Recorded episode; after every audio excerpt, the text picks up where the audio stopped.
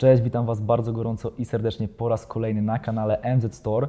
W dzisiejszym filmie z serii Sekretnego Życia Barbell Brothers. E, Jesteśmy tutaj u nich dzisiaj, chłopaków, na sekcji w Gdyni. E, I naszym głównym tematem jest to, aby przybliżyć sylwetkę jednego z zawodników właśnie tej ekipy, e, Kajetana. Ale na początku głos weźmie Paweł, a.k.a. Viking i przybliży nam właśnie trochę osobę Kajtka.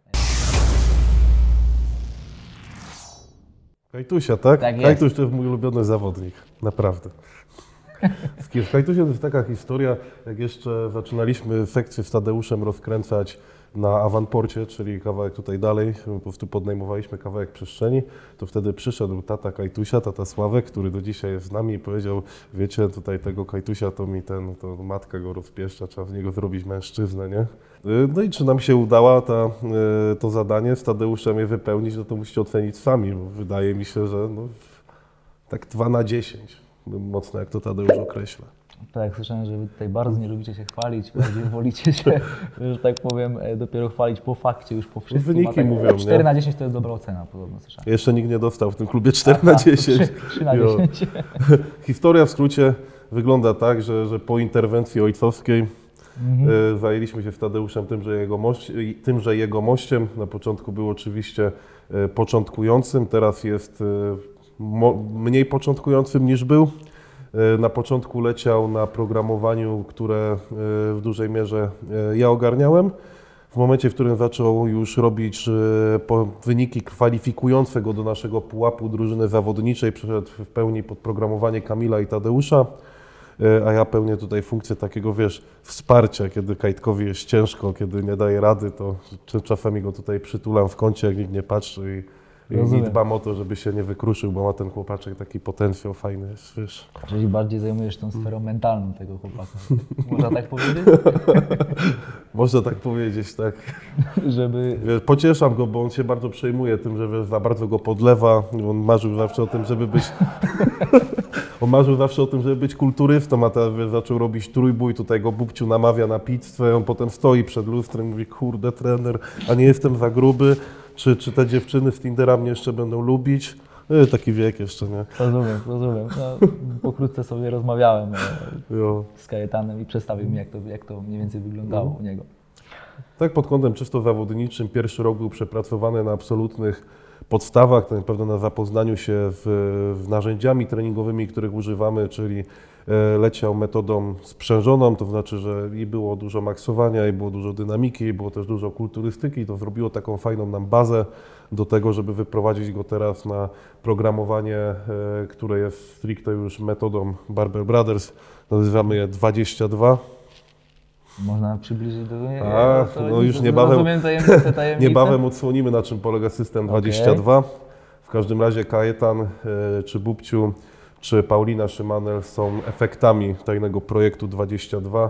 I tak jak mówiłem, efekty, tak, eksperymentu 22, e, efekty możecie sobie ocenić sami, bo dla mnie tak to powinno wyglądać, że to efekt powinien mówić o metodzie, a nie, Tak, tak. a nie, copy, a nie copywriting. Y, Czyli Twoim zdaniem y, na ten moment Kajetan jest takim zawodnikiem Jestem pewien, że, że zrobi karierę w Men's Health. A, z- a, a jeśli chodzi o, o, o sport, którym aktualnie się zajmuje? No, rokujemy takie mocne 3 na 10 aktualnie. Okej, rozumiem. Czyli zawsze studzicie e, te zapędy. No, Ja myślę o pierwszej trójce top 10 na świecie akurat. No i tym Ma potencjał, no przecież jest mało lat, robi zajebiste wyniki. Właśnie. Trzeba obserwować, zobaczymy co z tego wyjdzie. Jeżeli się nie rozpierdzieli, to będzie git. A jak będzie słuchał, to się nie rozpierdzieli. I tutaj jesteś... Bo Bubciu na przykład przed zawodami kiedyś postanowił spaść w murka, jak się kłócił z dziewczyną pod klubem. To takie wiesz, to o tym mówię, bo No. kontuzji raczej mamy niewiele, o ile w ogóle na tym polega system 22. Przez własną głupotę jednak gdzieś Tak, tam, ale chłopaki lubią sobie na przykład chwilę przed pickingiem wpaść właśnie w murka albo wyjebać się na schodach. To... Okej. Dobra, no i co tym słowem wstępu? Myślę, że tutaj ten początek... Niech ściąga e, już był- koszulkę, macie Tak, nagrane, tak, jak ściąga koszulkę. wszystko, wszystko jest. Dobra, wszystko przewijcie jest. to i oglądajcie, szczególnie jak, ten, jak jesteście tej drugiej płci, tej lepszej, to oglądajcie. I za czym oko zawiesić. Co? Się na czym oko wejść. A powiem wam, tyłek ma taki, że Dobra. Także zapraszamy teraz Kajetana i lecimy z drugą częścią.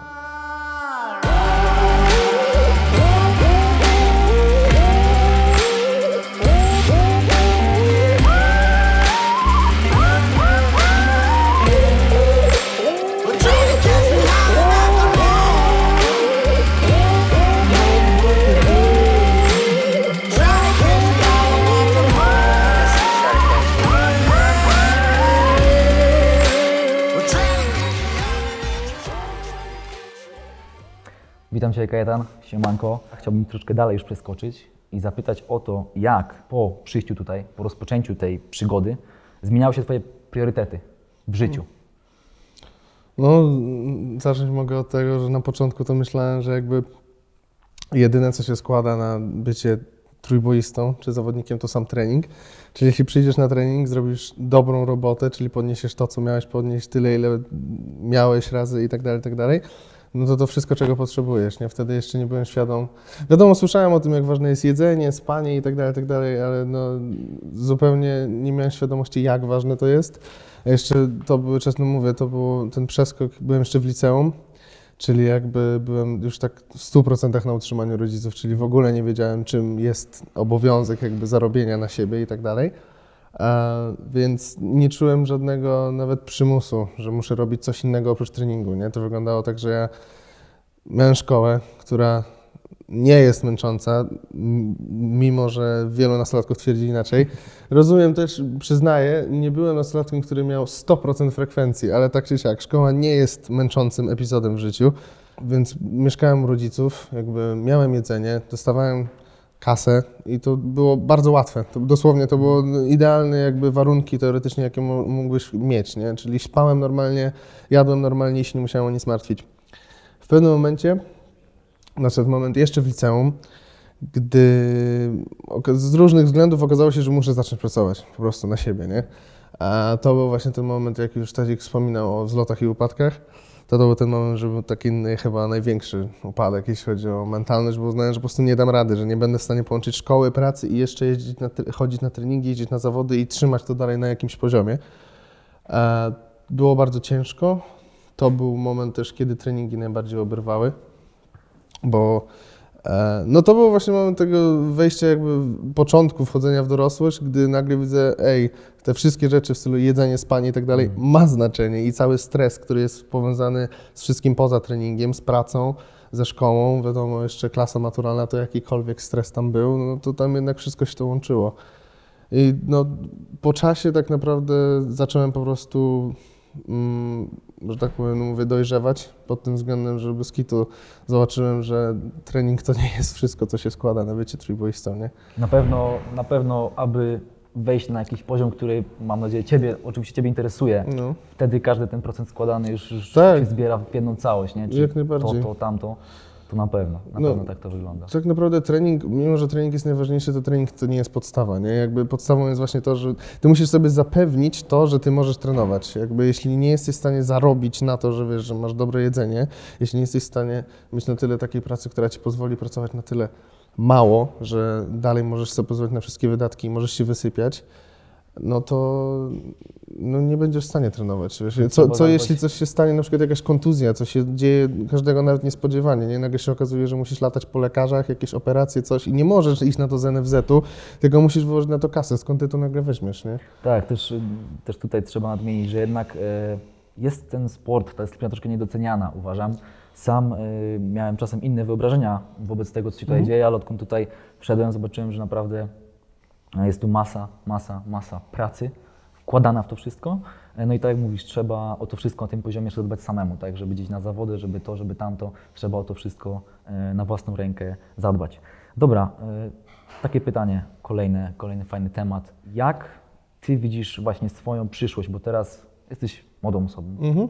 i powiedzmy sobie, e, jak widzisz siebie za powiedzmy 2, 3, 4 lata, jaka jest Twoja perspektywa? Czy ona jest głównie związana, o to chodzi, czy ona jest głównie związana ze sportem, z tym, co robisz tutaj, czy widzisz też siebie w jakiejś innej roli?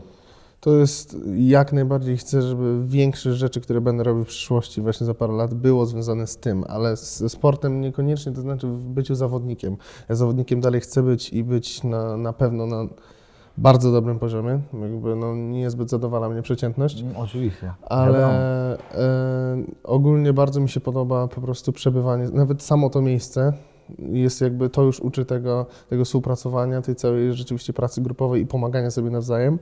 Samo pomaganie właśnie innym, trenowanie innych i tak dalej, to co robią chłopacy dla nas, to jest po prostu coś, co mnie kręci tak naprawdę. W sensie docelowo chciałbym robić coś bardzo podobnego, po prostu uczyć się w tym kierunku i, i w pewnym momencie po prostu też prowadzić swoich ludzi. Nie? Cały czas się można powiedzieć, że samym. jakieś tam doświadczenia życiowe już y, pozwoliły Ci to docenić i Tak. stwierdzić, że to jest to. Jak najbardziej, no.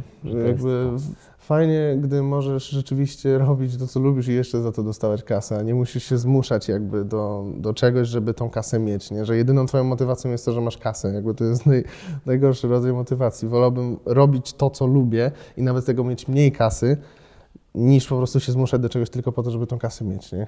A jeśli odkryłem coś, co mi się naprawdę podoba, to nie jest, że ja to lubię, tylko to, coś, to jest coś, czym ja żyję, jakby już w tym momencie, nie? Jakby ja nawet jak ja nie trenuję, to tyle, ile ja tu przebywam, to jest po prostu, wiesz, tu samo, samo to, że nawet jak obserwujesz ludzi z sekcji wieczorowej, czy jakby właśnie z innej drużyny ludzie i tak dalej, to samo to, jak widzisz, jak oni progresują, czy jak nie progresują, co się dzieje, co się naprawia, co się psuje, samo oglądanie, obserwowanie tego wszystkiego jest po prostu fascynujące, nie?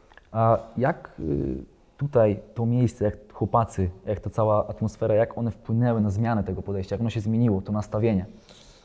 Zacznijmy od tego, że moim zdaniem chłopacy mają to poprawne podejście pod tym względem, że chłopacy jakby delikatnie mówiąc nie owijają w bawełnę. W sensie albo coś robisz, albo tego nie robisz. Da się to odczuć. Tak, jakby tu nie ma za bardzo cackania się, to jest też coś, co Tadeusz mówi, tak, jak ktoś na przykład nie chwali, to jest to, że dosłownie doceniasz komentarze w stylu y, 3 na 10 i się czujesz, że naprawdę jest Że dobra dobrze. ocena, dobra ocena. I były legendarne momenty, że parę osób dostało 4 na 10 w jakimś momencie, ale naprawdę rzadko się słyszy coś, wiesz, po starcie może usłyszysz, wiesz, że dobra robota, nie, i tak dalej, ale Jakby po wszystkim. tak, ale z grubsza to po prostu jest bardzo takie twarde podejście, albo coś robisz, albo tego nie robisz. I tak naprawdę przymusowe wykreowanie tego we mnie sprawiło, że sobie z wieloma rzeczami poradziłem i jakby wydaje mi się, że przez to też sobie teraz z wieloma rzeczami radzę, co nie zmienia faktu, że zwłaszcza jeśli chodzi o moich rówieśników, utrudnia to dogadywanie się, bo niektórzy mają zupełnie inne podejście. Nie? Jakby wiele osób ma podejście jakby, nie chcę mówić, że ja taką odmianę przeszedłem, ale wiele osób ma takie podejście jak ja kiedyś i to bardzo utrudnia komunikowanie, nie? bo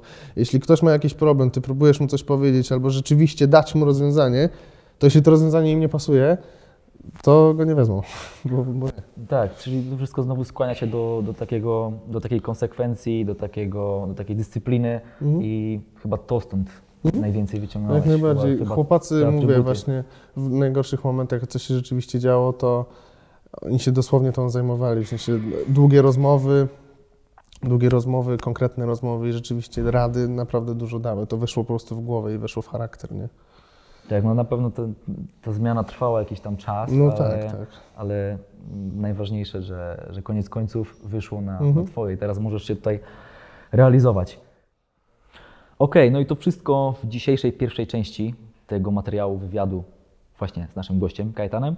Jeśli jesteście ciekawi mm, kolejnej części tego, co uda nam się tam przekazać, a co raczej Kajetan nam przekaże ciekawego na temat swojej osoby, swojego, swojego, e, swojej kariery przyszłej, swojej przyszłości, to nie zapomnijcie subskryberować kanał MZ Store, dajcie łapę w górę, jeśli się podobało. Kajetan też napędź tam ludzi, pokaż łapę.